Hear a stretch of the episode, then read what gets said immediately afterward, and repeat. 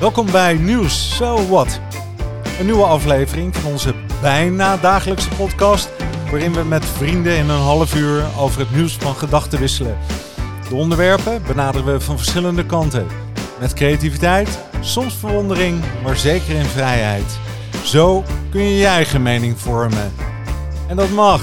So what? Vandaag is het maandag. Club Brugge naar de beurs voor 250 miljoen. Het Europese parlement hangt vol met camera's van een Chinees bedrijf. En daar houdt het niet mee op. En een steeds grotere groep zelfstandige ondernemers zit sinds de eerste lockdown in het voorjaar van 2020 verlegen om werk. Michel, goeiedag. Erik, goedenavond. Ja, Ja, het, is, het, is, het zijn weer leuke onderwerpen, hè? ja ik, eh, ik moet zeggen, ik, was, ik vond het leuk en ik ben gelijk eens wat eh, gaan duiken in die, eh, die beurskoersen van die eh, voetbalclubs. Ah, Dus eh, het was, het was leuk om weer eens eventjes even op te frissen. zo is dat. Nou, dat, dat- zullen we daarmee afsluiten dan? Hè? Dat lijkt me wel het mooiste, hè? Dan hebben we lekker ja, uitloop. Ja, dat, dat- ja, zeker, zeker. Hey, ehm, heb je nog een kater van de verkiezingen of is dat eh, allemaal goed geland?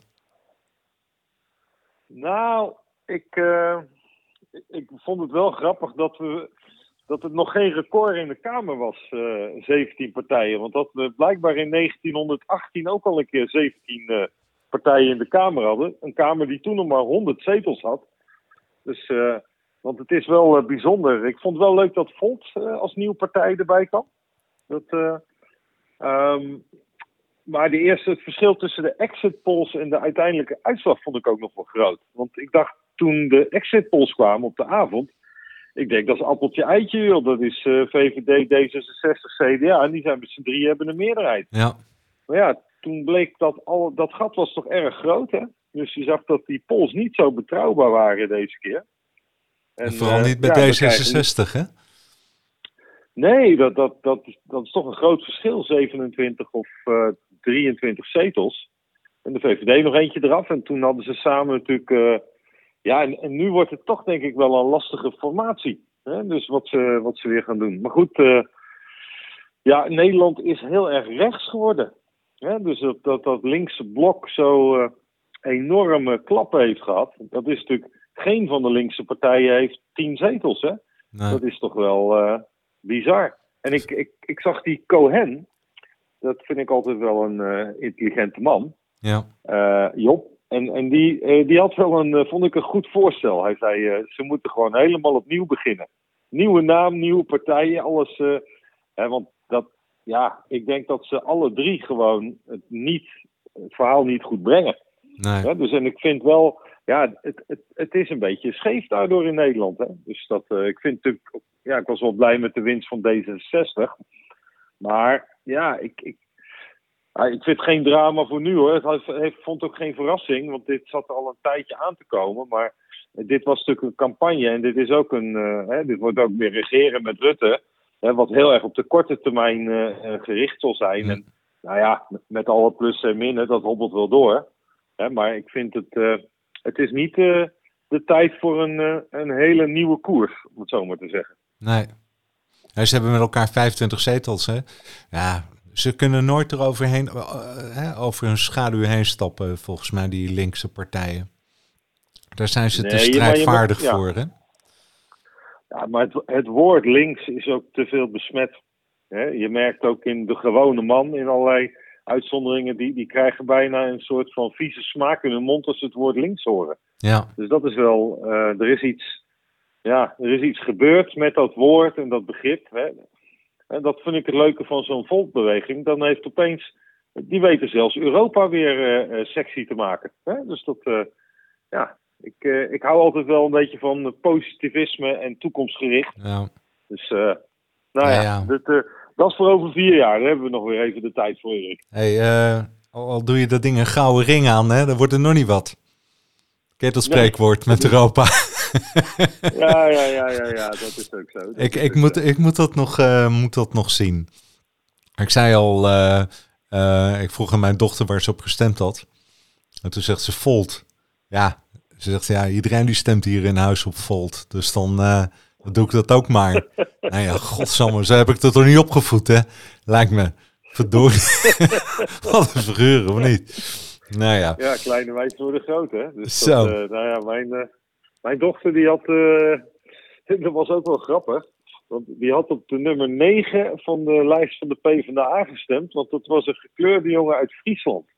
En dat vond ze allemaal wel, wel goed. Ah. Dus, en dat was ook een beetje om haar oma te eren. Dan, hè, dus, dus het wordt een soort die, die oude CDA'ers, die, die sterven ze een beetje uit in Brabant. Hè? Dan elke keer, ik had van de week nog eentje aan de lijn, eh, de, de hoogste baas van de provincie van Brabant. En die zei ik, ja, hij zegt, en elke keer als ze doodgaan, dan verliest CDA weer elke verkiezing weer een paar zetels. Ja. Dus uh, een soort uitstervend ras. Uh. Ja, maar even in, in, een, in een verder denkend zoals Job Cohen voorstelde, heeft het CDA natuurlijk ook een ontstaan uit ChristenUnie, wat was dat ook weer? CHU, ARP. Hè? Dat was natuurlijk ook. En de KVP, ja, dat klopt. Ja, precies. En uiteindelijk zijn ze jarenlang de grootste partij geweest, natuurlijk. Maar ze hebben het toen heel goed gedaan. uiteindelijk dan ook dat verbrokkeld weer. Hè? Naar, nou ja, hè, in de marge. Kan ook niet anders, joh, met, uh, met zo'n Hugo, hè? Dat wordt ook niet wat. Kan ook niet. Ja, ik zit een beetje te mijmeren hier, hè? Michel, je kent me. Maar ja, ik vind het ook, weet je wat ik ook zo komisch vind? Ik zie die kaag op tafel staan te dansen. Ik denk, nou ja, stutten die tafel. Maar, um, hey, en daarna gaat er een zeteltje af, zeteltje af, zeteltje af. Er gingen er drie of vier af nog, hè? Met de pols en uh, de eerste prognose. En uh, weet je, dat komt mij ook zo bekend voor. Dat heb ik ook vroeger wel eens gehad. Dat ik een soort van overenthousiast was. En daardoor heel uitgelaten. En daarna bleek het niet zo te zijn.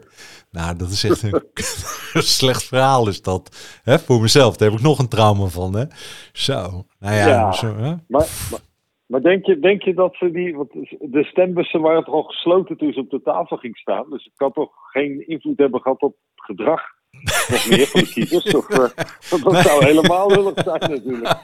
dat zou helemaal beroerd zijn. Oh man, man, man. Wat een verhaal, hè? Hoe zit het met onze ondernemers, onze ZZP'ers? Dat gaat niet zo best, volgens mij. Nee, nee, dat, uh, ik, ik, ik denk dat dat inderdaad wel een lastig verhaal is. En kijk, we hebben sowieso natuurlijk die grote groep ZZP'ers bestaat uit van alles en nog wat. Hè? Je kan het bijna vergelijken met bijvoorbeeld de kiezers van een Amerikaanse partij, want dat is ook nooit één geheel. Die hebben er maar twee natuurlijk. En je hebt natuurlijk de categorie ZZP'ers, eh, die wij ook veel nog kennen in ons netwerk, die gewoon hoog opgeleid zijn, die een, uh, competenties hebben, die schaars zijn in de arbeidsmarkt. En die gewoon met een heel goed tarief veel meer verdienen dan in welke loonschaal dan ook waar ze normaal zouden zitten. Ja. en de, de, meeste mensen van die doelgroep, die hobbelen wel aardig door dit soort uh, trajecten heen. Ja, bijna 900.000 hè? Die zelfstandig ja, fulltime werken. Ja, maar ik denk dat deze groep, Erik, die wij dan kennen, hè, weet je, de interimmers, de consultants, dat is denk ik toch niet meer dan 20% van die groep. Want die groep bestaat ook voor een heel groot gedeelte hè, uit allemaal bedrijfstakken waar mensen vroeger gewoon in loondienst waren. En waar de beweging is gemaakt dat, dat, dat ze eigenlijk tegen wil en dank, hè, maar uh, ook ZZP'er zijn geworden dus dat zijn ook bijvoorbeeld in de mediawereld, al die cameramensen en, en dat soort dingen zijn ook allemaal ZZP'ers. Ja. Overigens heb je dat natuurlijk ook in de bouw. Hè? En kijk, dat is weer een sector. Kijk, probeer vandaag de dag maar eens een, uh, een goede loodgieter hè? Of, of een goede elektricien te vinden. die gasten die zijn al, al tot en met de zomervakantie volgeboekt. Hè? Dus, dus binnen dat, de verschillen binnen die groep zijn ook heel erg groot. Dus je kunt eh, niet zo zwart-wit zeggen, en dat doen de sommige politici natuurlijk, van nu moeten we opeens weer ze allemaal hè, uh, in onze sociale uh, systemen gaan vangen. Hè. We moeten ze verplicht pensioen gaan doen en verzekeringen. Nee, ik denk je moet ze helpen waar, waar het nodig is. En kijk, als jij bijvoorbeeld heel veel omzet had en je gaat terug naar nul, dan was de, de hulp in die eerste ronde ook al was op bijstandsniveau. Ja. Nou, nou, nou, nou, nou dat is toch niet serieus? Hè? Dan, dan, dan draaide jij misschien tussen de 5 en de 10.000 euro omzet per maand. En dan, als je dan helemaal niks meer had, dan kreeg je bijstand. Ja, Hè, dus de pijn van de coronacrisis economisch, die is wel heel ongelijk verdeeld. En ook de maatregelen die wij als regering. Hè, kijk, als het nou nog voor een paar maanden is, hè, twee, drie maanden, kan ik nog denken, joh, hè, eh, je bent ook ondernemer, hè, dus je, je mag een klein beetje wat, wat opvangen. Maar ja, het duurt nu al ruim een jaar en dat gaat eh, denk ik nog wel een half jaar duren. Ja, dan, dan moet je er denk ik toch anders mee omgaan. eh. Ja. Maar het ziet er niet goed uit, hè? Als ik de prognoses. hè, we mogen in ieder geval niet meer op vakantie tot aan de zomer, geloof ik, hè? Willen ze. Nee, de, mei, de meivakantie nu al niet. Ja. En nou weet ik nog dat ik vorig jaar zomer heel braaf was dat ik mijn vakantie naar Italië heb. eh, ben ik maar niet gegaan, want ik dacht dat is niet eh, achteraf. Kreeg ik nog een heel gezeik met eh, de, de TUI waar ik het geboekt had. Want het was geen code zwart, dus eh, ik had best kunnen gaan. Nou, eh, in- hè, nou goed Zo. onderhandelen hebben we gezegd, we schuiven hem een jaar door. Hè, maar ik, ik dacht ook wel psychologisch, eh, ja, dit jaar gaan we gewoon. Dus, eh, hè, dat, dat, eh, dus die zomervakantie die gaat er wat mij betreft gewoon, eh, gaat gewoon door. Ja. Dat, eh, ja. Ik, ik, ik, zie, ik zie het nog niet beter worden, hoor. Als ik verhalen zo hoor. Ondanks die vaccinaties, hè? Dat vind ik nog helemaal bijzonder. Ja, weet je, we zijn natuurlijk best lang op. Hè, heeft het geduurd. Mijn moeder heeft net zo'n vaccin gehad, anderhalf, twee weken geleden. Maar dat mens is 80. Hè, Ja. Dus die, daar zijn, en mijn vader, die is twee jaar jonger, die moet nog. Hè, dus, dus, eh, en het is eind maart. Hè, dus ja, er zijn al best wel veel vaccins gezet. Maar dan denk ik ook naar alle mensen die in de zorg werken en helpen en zo. Wat ik ook snap en prima vind. Maar hè, die echte kwetsbare groepen, hè, dat, die zijn dus Hè, en de verpleegtehuizen, hè, de verzorgingstehuizen zijn natuurlijk nu geweest. Je ziet dat dat wel toeneemt. Maar de, ik denk dat we nog een maandje of twee nodig hebben voordat de mensen van eh, 80 tot eh, 65 ook eh, allemaal netjes eh, hun tweede prikje hebben gehad. Ja, dan, je ziet denk ik al wel het effect dat de besmettingen lopen wel op, maar de, eh, in het ziekenhuis loopt het minder hard op, Ja, of zelfs terug. Dat Ja. wordt een ander patroon dan daarvoor. Ja. En, eh, en, wat, en leuk natuurlijk, ik had eh, enthousiaste eh, eh, filmpjes, want mijn dochter was bij het testfestival zondag, Ah, dat Lowlands terrein. zo. Joh, dat was echt een feestje, alsof het eh, 2019 was. Ja, ik zag Ja, het. Dus gewoon geen mondkapjes, gewoon lekker in die tent, allemaal dicht op elkaar. En de staat was daar en die hebben dat liedje The Witch Doctor, dat ieder, heel de groep allemaal zo in rondjes gaat doen, hè, een soort van ritueel. Met, eh, ja, dat was echt weer ouderwets. Dus die, die was helemaal, eh, helemaal happy. Dan, ja, dan krijg je er weer zin in, hè. Dan denk Zo. je van, laat het weer terugkomen allemaal. Ja. Ja. Moeten we nooit vergeten. Hè? Je begint er ondertussen Nee. gewend aan te raken dat je om negen uur eh, opgehokt eh, thuis zit. Nou, ik, eh, en ik had ook mazzel. Ik heb een eh, vriendin die eh, nogal voetbalfanaat is. En die zat eh, eh, op eh, zes devices ingelogd vorige week om negen uur. eh, eh, voor de kaartjes van het Nederlands elftal tegen Letland. En wij zitten bij de gelukkige 5000. Dus we gaan zaterdag eh, naar de Oh, arena. Mooi, Dan gaan we ook weer een, een live wedstrijd volgen. Dus Fantastisch, hè? ja, dan, dan, ja, hè, dan wel- wel testjes vooraf en ook daarna. En je hebt nu zo'n app, Close. En dan hè, wordt soort echt wel ook echt wetenschappelijk nu gekeken van hoe kunnen we meer te weten komen over het virus. Dat we dit soort dingen, hè, dat we weten wat de risico's zijn. En Ja. eh, dat we daar beter beleid op kunnen voeren. Dus Ja. dat vind ik op zich hartstikke goed. Dat is een goede zaak. Mag ik nog even terugkomen op die eh, fulltime werkende? Hè? Ehm, Ja. wa- waar we, wat we constateerden is, of wat men constateert, hè? het aantal fulltime werkende zelfstandigen neemt af. En er is een groeiende groep die meer uren wil maken.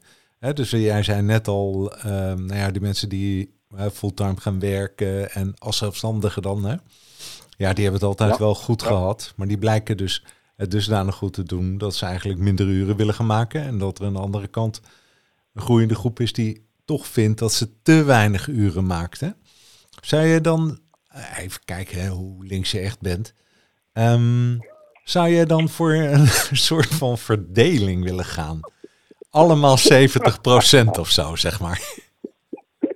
Dus echt weer zo'n Hallas uh, zinnetje, tussenzinnetje. Even kijken hoe links je echt bent. Hè? en dat, uh, dat zonder een fles wijn op. dan uh, oude boef. Dus, maar nee, ik ben daar niet zo'n voorstander van. Zo links ben ik niet. Ik ben geen communist. Nee, ik, ik, maar ik ben wel van de juiste vragen stellen. Hè? Want die, ik denk dat de mensen die dat onderzoek doen, die hebben al helemaal bedacht wat ze eruit willen hebben. Die gaan al die vragen en ook die antwoorden gaan ze op die manier duiden. Ik denk, je, je zou ook een vraag moeten stellen aan mensen van, wat zou jij nou willen? zou jij nou bijvoorbeeld, als je kon kiezen tussen weer in loondienst ergens gaan of als zelfstandige doorgaan, wat zou jij willen? en dat zou ik veel interessanter vinden, want dan kun je ook het verschil maken tussen de mensen die een beetje tegen hun zin in in zo'n situatie terechtgekomen zijn. Maar ik ken ook heel veel mensen die wel uh, daar bewust voor gekozen hebben. Ja, en dan kan het ook wel eens even tegenzitten. Hè, en dan mopperen ze wel eens, maar die dat toch willen doen. En ik ken trouwens heel veel mensen die voor zichzelf werken, die juist niet meer vijf dagen in de week willen doen wat de baas zegt. Hè, maar die juist vrijheid willen hebben. De meeste mensen die ik ken, die willen niet eens meer fulltime werken. Hè, als ze eenmaal maar als ze met drie, vier dagen ook een goede boterham kunnen verdienen, vinden ze dat ook best. Ja. Dus ook daarin is, je kan het niet over één kam uh, scheren, Erik. Nee, nee, nee, nee, Eens. Het zijn van die, die dilemma's. Maar het, het, het, het um, ik geloof ook niet dat een, dat een hè, continue beperking van werknemers of bescherming moet ik zeggen, beperking, bescherming van uh, werknemers, dat dat de oplossing is. Hè. Ik denk toch dat het flexibel en sociaal moet. Zoiets. Ja, dat, flexibel en sociaal. Kijk, ja, wat jij eigenlijk, hè, wat ook misschien achter jouw vraag zat, hè, was van de coöperatiegedachte. Hè? Hoe kun je met elkaar, elkaar helpen? Kijk, en er zijn wel een paar initiatieven, maar die groeien niet zo hard. Dat een aantal van die zelfstandige ondernemers dan met elkaar in de coöperatie gaan. Ja. Kijk, en als, als het met iemand slecht gaat, dan wil iedereen wel geholpen worden.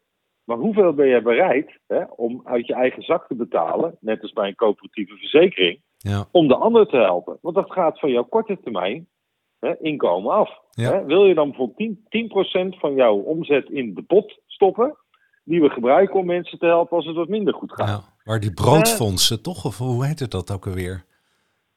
Was dat ja, vroeger hadden we. Ja, ja, nou ja, heel veel van die coöperaties zijn natuurlijk zo ontstaan. Hè? Ook de, de, de uitvaartverzekeringen zo, hè, van de Dela's. En de Rabobanken zijn ook zo ontstaan. Hè? De oude boerenleenbanken. Oh ja, ja, ja. ja. Dus, maar, maar dit soort initiatieven zijn er ook nu tussen huidige ZZP'ers. Maar wat je ziet is dat als het goed gaat, dan uh, overschatten de mensen hun toekomst. Dus dan zijn ze eigenlijk niet bereid om te sparen voor als het slecht gaat. En als het dan slecht gaat, dan schreeuwen ze moord en brand. Ja. dus dat is wel een lastig dilemma. want uh, ja, ben je ook, dat feitelijk werkt belasting en onze sociale zekerheid natuurlijk ook zo. Je betaalt allemaal een klein beetje van je salaris voor als je ziek bent, dat het uit een potje betaald kan worden. Als je werkloos wordt, dat, dat soort dingen als je arbeidsongeschikt wordt. Ja. Hè, dat zijn allemaal die kleine percentages. Dat is ook een soort vorm van collectiviteit. Hè? Ja, precies. Ja. Even naar het tweede onderwerp. Het Europarlement. Vol camera's van een bedrijf uit China. Ja. hey, het is wat hè.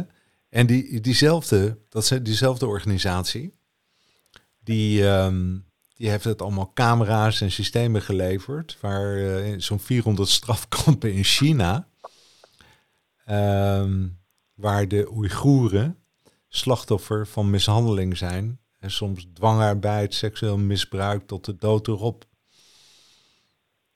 Hoe vind je dat nou? Kijk, ik vind wat de Chinezen met die Oeigoeren doen, vind ik vreselijk. Hè? Laat dat duidelijk zijn. Alleen, uh, het wordt een beetje versimpeld hier gebracht. Want uh, dat parlement heeft zaken gedaan met Veolia. Ik denk, oh, waar ken ik die ook alweer van? Ook eens even gaan opzoeken. Die hebben zelfs bussen hier uh, en, en, treinen uh, laten rijden in Nederland. Daar zijn ze mee gestopt. Het groot Frans bedrijf. Die overigens van alles doen, maar ik kon niet zo snel camera's vinden. Ik kwam wel op uit dat die bussen hadden vroeger ook allemaal camera's. Maar die hebben gewoon keurig met openbare aanbesteding hebben die, die deal binnengehaald. Voor het Europese parlement om dat te doen.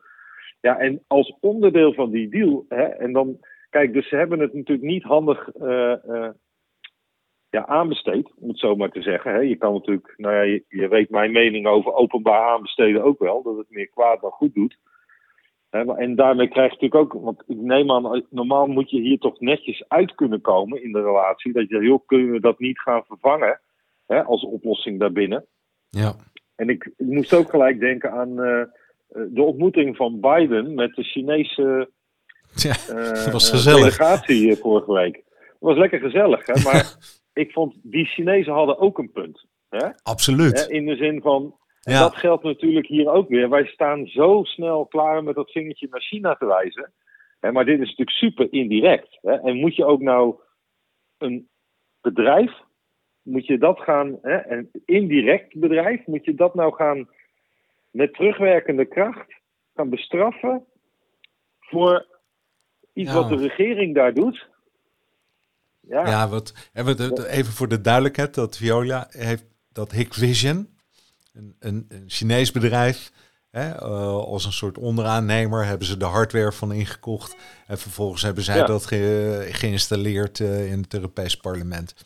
En dan kun je nog denken, ik dacht in eerste instantie het gaat over uh, staatsgeheimen of uh, afluisterpraktijken, noem maar op. Hè. Maar daar ging het niet over. Het gaat over dat dat bedrijf hè, ook de systemen levert in die 400 strafkampen. Ja. Is dat nou het probleem dan van hè, dat Franse bedrijf, Veolia? Of niet? Eigenlijk wel, hè? Die, die kiezen die producten. Hoewel ze niet op de zwarte lijst staan, hè? Ook dat niet. Nee, maar, maar, maar waarom staan ze dan niet op de zwarte lijst? Waarom is dan niet een van de eerste maatregelen, we zetten ze op de zwarte lijst? Kijk. Dat lijkt me nou logisch, maar dat hoor ik niet. Dat, en dat hoor je dat niet. Dat je dan zegt, Nee, maar dat, maar dat kunnen we wel direct beslissen. Dus er wordt een hele heisa van gemaakt. Terwijl de meest logische dingen doen ze niet, hoor je ze niet over. Ja, ja ik, dat, dat snap ik dan eigenlijk niet. Want dus eigenlijk is het een foutje van onszelf, hè? Ja, ja, en zeg tegen Veolia van joh, hè, uh, wij willen niet meer dat je met zo'n partij samenwerkt.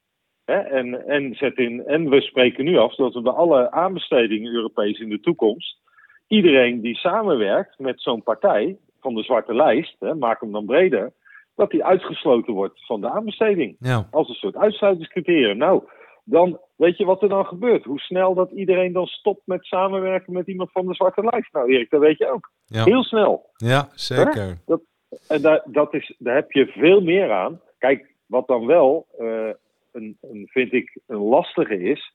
Hè, van wanneer kom je nou op de zwarte lijst? Hè? En, en Hè, wanneer we, gaan wij ons ethisch nou heel erg zal zeggen, druk maken over iets? Want hoe lang zijn die uh, verhalen al niet over die onmenselijke toestanden met die stadions in Qatar voor dat WK voetbal? Nou, je haalt me de woorden uit de mond. Ik denk ook. Moet, die moeten hè? dan toch ook op de zwarte lijst? Tja, hè? Als we zoiets op de zwarte lijst hebben. Ja. Nou, dan gaan we nu een dus- beetje de KNVB proberen hè, uh, hè, dat die een bepaalde actie gaan ondernemen. Of de FIFA of weet ik van wie. Kijk, het is, en je weet, mijn hobby is geschiedenis. Hè, en, en dit is natuurlijk niet van deze tijd, maar van alle tijden. Het is maar net aan welke kant van het verhaal je, je zit. Hè, dan ga je heel hard roepen. Hè, en, en zelfs met terugwerkende kracht vinden we het nog heel erg lastig om te roepen dat we ook wel een beetje fout zijn ergens. Ik ben nu midden in dat boek van, uh, van Rijbroek uh, over Indonesië. Ah joh, als je dat Dat is een geweldig geschreven boek over. En, en heel mooi omdat we nog net de laatste generatie hebben van mensen die nog in leven zijn, Ja. van die 90-plussers, die het allemaal hebben meegemaakt. Nou, echt, joh, laten wij niet nou net doen alsof wij allemaal altijd zo netjes alles gedaan hebben. Want dat is gewoon niet waar. Nee, we zijn verschrikkelijk, joh. Maar ook daar, hè. ehm, ja, met terugwerkende kracht eh, repareren werkt niet. Maar wat je wel moet doen, is zowel voor het Europees Parlement. Jongens, zo gaan we het niet doen. Er is een zwarte lijst, ja of nee. Voetballen in een, sta in een land uh, die de mensenrechten niet waardeert. Nou, daar zijn we niet van. Hè? We zijn uh, Europees. Um, daarmee uh, zeggend een soort van geciviliseerd. En weet je wel, en Indonesië, weet je wel, tien keer buigen. Ehm, en, en zeggen uh, dat we het nooit meer gaan doen. En we gaan leren van de fouten en we gaan dat herdenken en tien keer excuses aanbieden. En kijk, maar je kunt niet alles repareren wat er in het verleden allemaal fout gegaan is. Dat geloof ik nee, niet zo. Nee, zeker niet. Hè, maar wel meteen hup, een zwarte lijst aanleggen. En wel al die voorbeelden die we net benoemden. Dat, dat vind ik ook. Hè. Dat vind ik, Erik, kijk maar naar hoe we 4 en 5 mei gedenken. Hè. Dat vind ik op een positieve manier. Ik bedoel, je kan dat nooit meer terugdragen. Maar je kan wel hè, de, de, de keerzijde en de positieve kanten kun je wel hè, overdragen over generaties. Hè, om ze mee te geven van wat kunnen we daarvan leren. Hè, dus dat absoluut. Hè, en, uh, maar ja, dat, dus ethiek uh, is internationaal gezien vind ik altijd wel een lastig, uh, lastige discussie. Uh. Maar even nog dan, hoewel het heel lastig is, en even het bruggetje naar voetbal. Qatar, wat vind je dat er moet gebeuren? Niks, voetballen en feestvieren? Of toch zeggen, nou is het een jammer, maar dat kan niet. Um, verplichtingen, bescheiden ja, deelname. Ja. Nou, het, ik vind hem best ingewikkeld, zou ik heel eerlijk zeggen. Want ook dat, dat voetballen staat natuurlijk niet op zichzelf. Hè. Dit is natuurlijk hoe er in die olie-emiraten allemaal omgegaan wordt. Ook met mensen hè, van arme Indiërs en al dat soort bevolkingsgroepen. Hè. Dus wat gebeurt er los van die voetbalstadions nog meer daar? Nu, nu zijn de schijnwerpers daar natuurlijk heel erg op gericht. Dat is ook vreselijk wat er gebeurt. Maar dat wil natuurlijk niet zeggen dat al die Indiërs die daar als gastarbeiders binnengehaald worden op andere projecten, dat het daar beter mee gaat. Michel. En die rijke oliedollars, die hebben natuurlijk, ja, wel tot een, ja, ik, ik, ik vind al, al die wolkenkrabbers hè, die daar staan, hè, daar kun je rustig uh, 50 man per verdieping uh, voor rekenen. Ja. Hè, die naar beneden valt, of anderszins. Ja. En dat gaat ja, al dus jaren hoe, zo. Ja, dus, dat, ja, dus, dus het is een groter probleem. En ik vind wel dat we daar met elkaar wat aan moeten proberen te doen. Maar je zou toch eigenlijk verwachten, dit soort dingen moet je echt wel een beetje op wereldniveau doen. Maar ja, als nou de leader of the free world, Amerika, het verdomd om zelf aan het internationaal strafhof mee te doen, tot op de dag van vandaag. Dan maak je ook geen blok, hè? Dus dus ik vind hem lastig. Je zou eigenlijk aan China moeten vragen: joh, hoe moeten we nou met Qatar omgaan? Dat zou ik beter vinden. Ja. Ja. Interessant, hè? Hmm. Hoe op te lossen. Ja, en ingewikkeld. Ja. ja, we dat kunnen beter een aandeeltje Club Brugge kopen. Ik, uh, ik, nou, ik dat... vond hem iets overgewaardeerd. Ik vond dus... iets overgewaardeerd. Dus, uh... Maar het is wel gemoedelijk, ja. Club Brugge. Zie je niet? Ja, klinkt ook zo lief. Ja, Club, ja zeker. Nee, maar... Club Brugge gaat naar de beurs, hè? dat is het verhaal, deze maand. En uh, ze verwachten tussen de, ja, ja ze, uh, met alles bijgesteld, zo'n 250 miljoen op te halen. Maar ze hebben ook al wel eens gedacht dat het 400 miljoen zou zijn. Zou jij een aandeel kopen? Nee. Nee, ik niet. En ik, uh, zeker niet nadat ik me erin verdiept heb. kijk, maar ik, ik zou ook geen aandeel Google kopen. En ik koop ook geen Bitcoin. Dus dat. Uh, ja, hè, want dat, daar zit heel veel. Dat wil niet zeggen, je kan geluk hebben. Hè, maar er zit heel veel.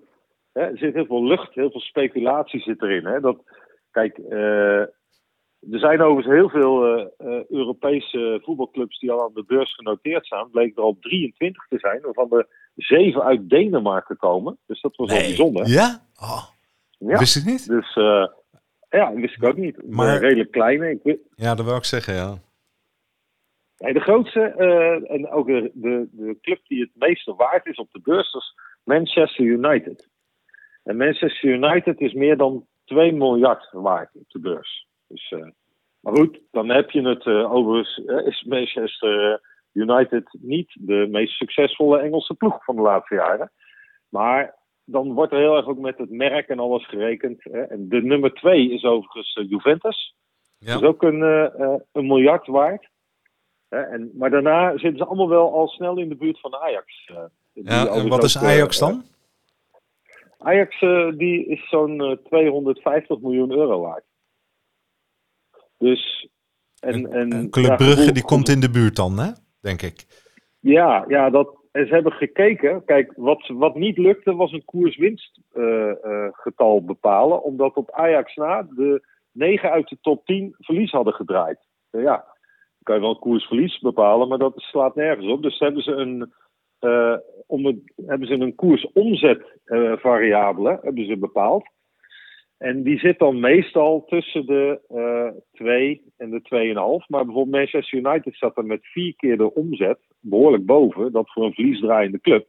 En dus als je het over waardering hebt, dan denk ik nou, dat is een vrij riskante bedrijfstak. Maar je ziet natuurlijk wel, dat zie je ook met de Barcelona's en de Madrids, van er gaat daar zoveel geld in om. Het gaat vooral over televisierechten.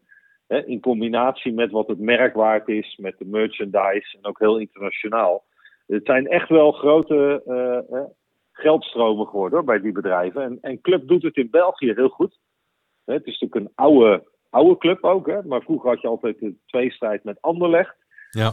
En Brussel is natuurlijk veel groter, maar die zijn helemaal weggegleden sportief. En, en Club heeft ook een hele grote groep uh, Nederlanders die daar nu voetballen. En die spelen Champions League en, en, en zijn eigenlijk weer, worden weer kampioen van België dit jaar. Het is een beetje de Ajax van België. Ja. Dus maar het is in privéhanden, zag ik, hè? Het zijn particulieren. Nou ja, uh... En die verkopen de helft, uh, eh, 40% van de aandelen gaan ze verkopen. En dan hebben ze zelf nog ongeveer 50 en 10% gaat naar de supporters, die kunnen daarop intekenen. En uh, dus het geld het verdwijnt rechtstreeks in de zakken van de aandeelhouders daar. Hè? Dat is toch ook mooi? Nou ja. Eh, dat, doen ze dat, dat doen ze dat toch goed, uh, Erik. Dus ja. uh, kijk, en het, het zijn natuurlijk wel de. Dit soort aandelen zijn natuurlijk volksaandelen. Hè? Die hebben emotie. Hè? Ik bedoel, je, hebt, uh, je voelt hier wat meer bij dan aandelen Philips kopen of zo. Hè? Dus ik, ik, ja, ik, het heeft wel iets moois. En het is toch ook leuk dat toen Ajax de halve finale twee jaar geleden verloor van, van de Spurs in de Champions League. Ja. Toen was het krantenbericht de dag daarna ook uh, beurswaarde Ajax uh, met 90 miljoen gedaald na de uitschakeling. Ja. Kijk, hè, dan kan je het ook ergens aan koppelen. Dan snap je dat. Ja. Oh, ik dacht dat ik eh, gelezen had dat, dat zoiets 20 miljoen zou zijn. Hè, gemiddelde deelname aan de Champions League. Maar ja, als je wint, dan verdien je meer, denk ik. Hè? Dat is helder.